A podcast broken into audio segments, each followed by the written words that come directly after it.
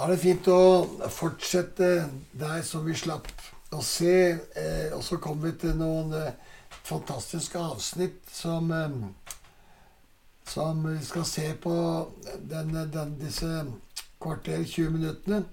Fra, kap, fra kapittel 2 og vers 4 ut, utover, hvor, hvor det begynner med at Paulus sier 'men Gud'. Han Er, vi har nettopp tatt et oppgjør med at eh, vi var av naturen vredens barn, vi som de andre. Altså, det vil si, vi hadde ikke liv. Det er det som er å være, være vredens barn. Vi hadde ikke liv, for du får ikke liv uten å ta imot Han som er livet, Jesus Kristus. Og når du har tatt imot livet, som er Jesus Kristus, så får du liv, og da er du ikke vredens barn. Og da er at, han, at uh, Paulus da begynner med å si Men Gud er rik på barmhjertighet. Og, det er at, og Guds barmhjertighet er jo at han lar den skyldige gå fri. Det er det som er eh, min definisjon på barmhjertighet. At Gud lar den skyldige gå fri. Og det Gud vil, er at vi skal være barmhjertige sånn som han er barmhjertig. Hvis du, hvis du ser på Mika, så står det at hva vil Gud ha oss? Jo, han vil at vi skal elske barmhjertighet. Han vil at, at vi skal elske og la den skyldige gå fri. Og da skjønner vi at uh, det trenger vi Guds ånd til. For det greier vi ikke i vårt eget kjød, og vi greier det ikke i vår egen kraft. Vi greier ikke å tilgi. Det kommer seg litt an på hva som er blitt gjort imot oss av synd og, skyld og elendighet. Men er det, er det, riktig alvorlig, så greier vi ikke å tilgi i egen kraft. Men, mens, mens Guds ord sier at vi skal elske det og tilgi. Vi skal elske og la den skyldige gå fri. Det er en annen måte å si tilgivelse på. Og Gud, han elsker oss sånn at han lar oss som er skyldige, gå fri. Og det gjør han jo fordi at, det er en som har tatt seg av synden og skylden vår. Og allikevel, han lar oss få lov å gå fri. Og det gjør han, står det, fordi han elsket oss med så stor en kjærlighet. Altså far, han har elsket oss med så stor en kjærlighet, han gjorde oss levende igjen. Og hvordan gjorde han det? Jo, ved Kristus, sjølsagt. Ved at han sendte Kristus, så blir vi levende. Og vi som var døde, er blitt levende. Syndens lønn er døden. Men i Kristus Jesus så har altså Far vist oss barmhjertighet, strøket all vår skyld, strøket all vår synd, strøket alle våre misgjerninger. Og så kommer dette andre siden av barmhjertigheten, hadde jeg nær sagt. Av nåde er dere frelst. Og Dermed så kommer dette fantastiske paulinske ordet nåde. Charis, altså det som er gratis. Det som, eh, som Gud gir gratis til den som tror. Ved troen på Kristus så gis vi altså gratis nåde. Vi gis gratis fri tilgang til alt som er, er i Guds rike da har vi tilgang til arven. Som sønner og døtre har vi tilgang til arven. Vi har tilgang til alt det som er i Kristus. Vi er altså fri. Vi har en, fått en aldeles utrolig posisjon. Og som jeg har vært innom før, vi er dermed Guds, fått Guds favør. Du ser at Paulus han gjentar seg sjøl. Det gjør jeg også. Eh, så vi skal ikke være redde for å gjenta oss sjøl. Fordi det som er Guds rike sannheter, det kommer til oss fra forskjellige vinkler. Og så plutselig så skjer det at hjertet vårt ser.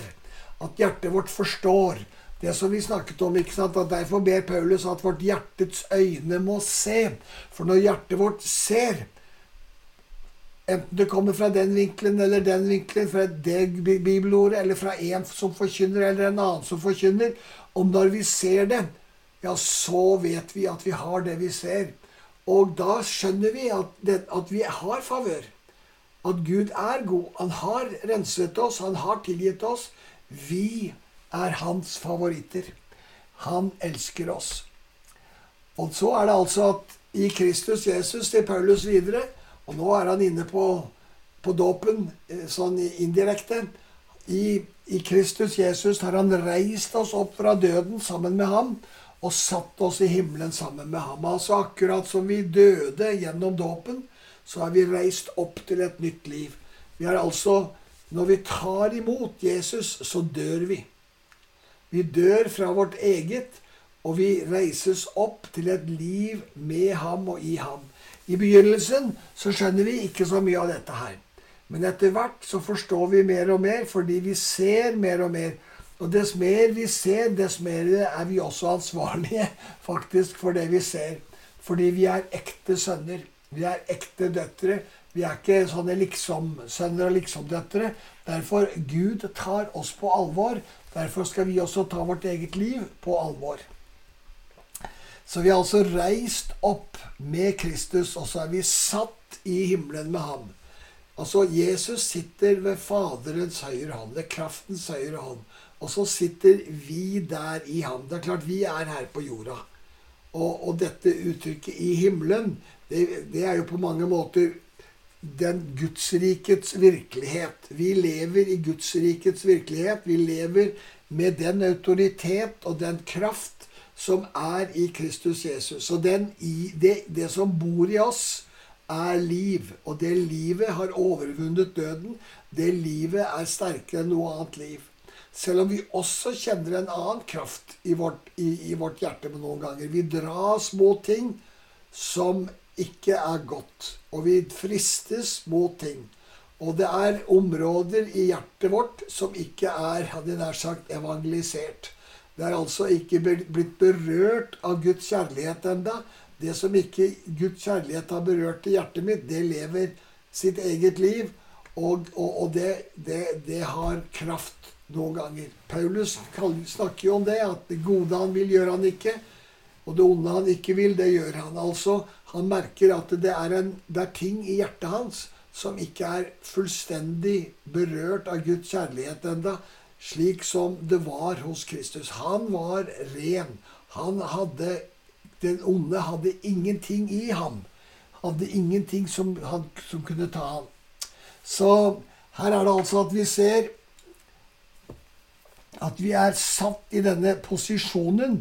Og i denne posisjonen da er det at vi har autoritet og kraft. Vi har autoritet over makter og myndigheter, sånn som Paulus har beskrevet i kapitlet foran.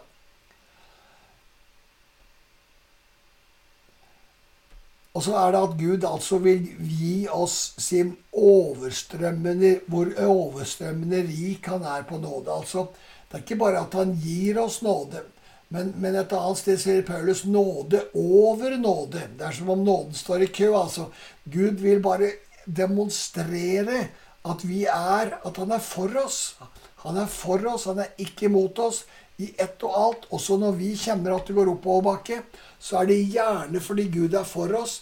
Fordi han vil ikke etterlate oss sånn som han er. I sin kjærlighet så møter han oss, og til og med kan tillate vanskeligheter komme i vår vei for at vi skal søke ham, for at vi skal lære å kjenne ham djupere, og for at han skal få lov til å berøre enda flere områder i hjertet vårt, slik at vi blir mer og mer fri. For Guds hjerte for oss er at vi skal bli fri. Han er fri. Han er Gud er jo fri. Han har ingen begrensninger. Han kan gjøre det han vil. Og når vi er i Kristus og i hans nærhet, så vil han at vi skal være like fri som han.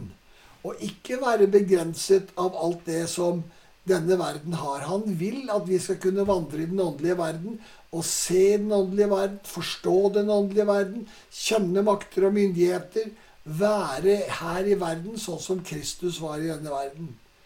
Og dette er det som han lengter etter, og derfor står det her at han er overstrømmende rik på nåde, og hvor god han er mot oss. Igjen så vil Paulus få understreke for oss hvor god far er mot oss.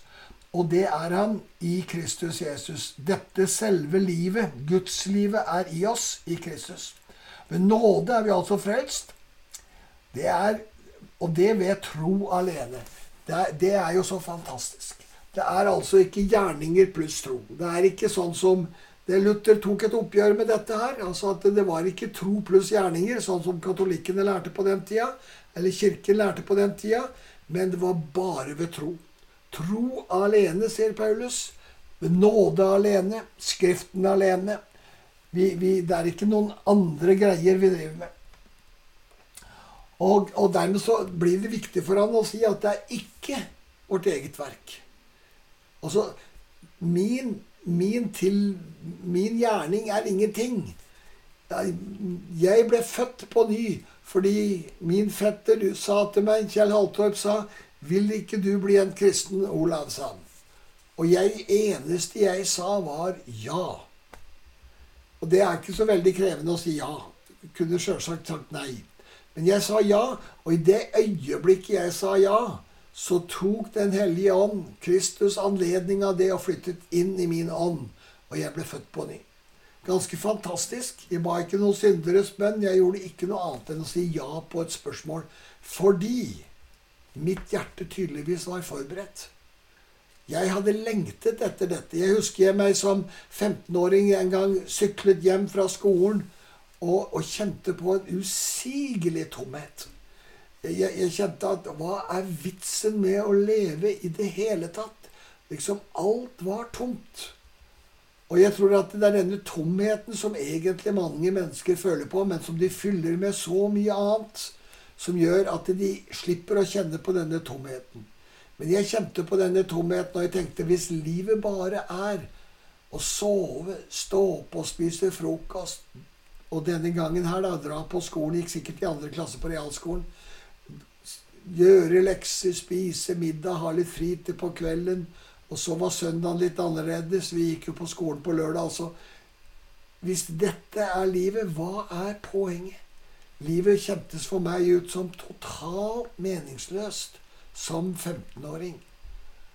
Og så er det altså at Gud i sin nåde da et par Og jeg tror at Gud nå forbereder hjertet mitt. Han forberedte hjertet mitt på noe. Og heldigvis, da, så kom denne fetteren min, som har blitt frelst noen, for, noen, noen, år tidligere, og utfordret meg på å bli kristen. Og så er det at jeg ved ganske enkelt å si ja, mottar evig liv og hele den pakka. Og jeg, så jeg har ikke vanskelig å forstå at dette er Guds verk alene, og ikke mitt verk. Og jeg er ikke så helt sikker på at det nesten var jeg som sa ja. Jeg tror kanskje Den hellige ånd hjalp meg til å si ja også. For Gud, han vil at frelsen skal bygges på ham og han alene. Han vet at våre egne gjerninger duger ikke. Så av nåde er, ble jeg frelst, og av nåde er vi frelst. Er vi satt i frihet, har vi fått alt, og det er ganske enkelt ved å tro på det Jesus har gjort. Og det var nok i hjertet mitt en tro på det, uten at jeg uttrykte det. Det var sikkert også på grunn av jeg hadde jo tross alt lært litt på skolen, og mor lærte oss nå å be Fader vår, altså Herrens bønn. Så, så, i mitt hjerte var det nok fortsatt en tro. For jeg, jeg husker jo at jeg kunne be. Som, som, eh, hele livet så ba jeg nok. Jeg ba for mor og far og brødrene mine og for katta. Og, og, og så ba jeg Herrens bønn hver kveld før jeg la meg til å sove. Så på en eller annen måte så var jo en passiv tro der. Men ved dette ja på, på Kjells spørsmål, så ble, dette liven, ble denne troen levende. Og jeg ble født på ny. Og så begynte denne åpenbaringsveien, da, som eh, man går som kristen. Ved å begynne å forstå litt etter litt. Mer og mer åpenbaring. Så ser man mer og mer. Mer og mer begeistret, mer og mer glad for frelsen. Og, men noen ganger også så kunne man jo fortsatt ha lyst til å gjøre det man sjøl hadde lyst på. Men så er det det at, at når, når, Gud har grepet hånda di, så holder han tak i deg. Også de gangene hvor du begynner å glippe litt for deg. Og at ikke hviler på gjerninger, ja, det er, sier Paulus, for at ingen skal skryte. Gud vil ha den æren aleine. Og også for at vi skal kjenne friheten. For at vi skal kjenne friheten, at det er Han som holder tak i oss. Det er Han som har gitt oss sin ånd. Det er Han som har gitt oss Kristus. Det er Han som virker både å ville og virke til sitt velbehag. Og, og det står jo dette ordet i Filippebrevet 2, hvor det står at 'arbeid på deres frelse med frykt og beven', sier Paulus. For det er Gud som virker både å ville og virke. Hva er det å arbeide på frelsen? Jo, det er å sørge for at man i hvert fall er, tar seg tid. Disiplinerer seg såpass at man setter seg ned og tar imot og drikker inn Guds kjærlighet og er i Guds nærhet og lar Gud få virke på hjertet. Det er Og når vi gjør det, ja, hva gjør Gud da? Jo, da både vil han og virker han til sitt velbehag. Det står det i Filippebrevet 2, 12 og 13. Han er den som virker både å ville ja, så Det er altså han kanskje som da til og med får meg til å sette ned meg ned om morgenen hver eneste dag. Han vil det. Og jeg vil det. Min vilje er ett med hans vilje i dette her.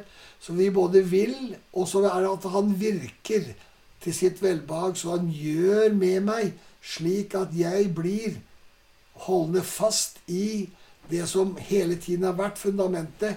Kristus i meg, håp om herlighet. Og etter hvert som jeg har sett de siste 20 åra spesielt, at i Kristus får jeg lov til å være i fars armer. Slik som Kristus alltid var i fars armer, som det står i Johannes 1,18. Han var alltid i fars armer. Og fordi han var alltid i fars armer, så skal også jeg, som er i Kristus, få lov å være i fars armer. Altså tett inntil fars hjerte. Og det som jeg kanskje lengter aller mest etter, er på en måte å kjenne fars hjerte. Og noen ganger så, så, så, så dras det nær til det, det, men så er det stadig denne kampen som skjer i oss mennesker. Kampen mellom det å være nær og, og gjøre alt det Gud har for oss, og det å også leve til vår, vårt, vårt, eget behag og leve etter kjøttet. Den kampen har vi. Den kampen har vi, Og det er en normal kamp. Det er en normal kamp. Vi skal vandre i ånden og ikke i kjødet. Og så kommer dette siste fantastiske verset, som da altså er bryllupsverset til Unni og meg. For vi er hans verk. Vi er hans poesi, kunne det faktisk stått her. For det er ikke bare at Gud liksom vil ha mennesker. Nei, han, han vil ha han legger noe av det vakreste han er, inn i det å være menneske. Vi er jo skapt i hans bilde, står det i første Mosebok igjen. Vi er skapt i Guds bilde. altså Vi er skapt med likhet til Gud. Gud har et hjerte. Gud har ånd, sjel og, og, og, og, tanke. Gud er, le, er, levende, og så er vi skapt i hans bilde. Vi, og når vi da er hans verk, og, og, som sagt, det ordet kan på gresk også bety poesi. Så skjønner vi at vi er hans mesterverk, på en måte. Vi er, vi er, det, vi er det, han ville ha. Vi er slik som Gud lengtet etter at vi skulle være. Og vi er slik at vi skulle leve evig. Vi skulle ikke synde, vi skulle ikke forfalle, vi skulle ikke dø. Men pga. synden så har dette skjedd. Men, men Gud har ikke glemt hvem vi er. Gud ser ikke på oss som en som lever 50, 60, 70, 80, 90 år her på jorda. Gud ser på oss som evighetsskapninger, og så former han oss her på jorda.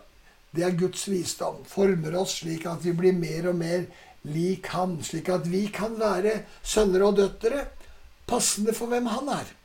For det er jo det sønner og døtre skal være. Sønner og døtre de skal jo imitere sin far. Og de skal bli mer og mer lik sin far. Nå snakker jeg om en fullkommen far. Og Gud er en fullkommen far. Og det som Guds ånd gjør, fars ånd gjør, Jesu ånd gjør, det er jo å forme oss så vil vi mer og mer lik Han som vi er skapt av. For vi er Hans verk, skapt i Kristus Jesus til gode gjerninger, som Gud på forhånd har lagt ferdig for at vi skulle vandre i den. Og så får vi lov til det, å vandre gjerninger som er ferdige. Og så kan vi få lov til å forvente at når vi kjenner at vi skal gjøre det og det Det er alt fra å gå på butikken, gå på jobb, hva vi nå enn besøker mennesker, eller bare være sammen, så skal vi være vare overfor hva vil Gud i alt dette her. her. Uten at vi liksom skal gjøre det til en slags tvangstøye. Men i all avslappethet så skal vi få lov til å kjenne på hva Gud har. Og så skal vi få lov å gjøre det som han, han gjør. Jeg, jeg, jeg, jeg, husker en gang at jeg opplevde eh, at jeg skulle gå på ski. Det var en marsjdag. Det var skare overalt, og jeg skulle bare ta på meg skia og gå ut fra husene her på Stubberud og, og gå på skaren overalt hvor jeg ville.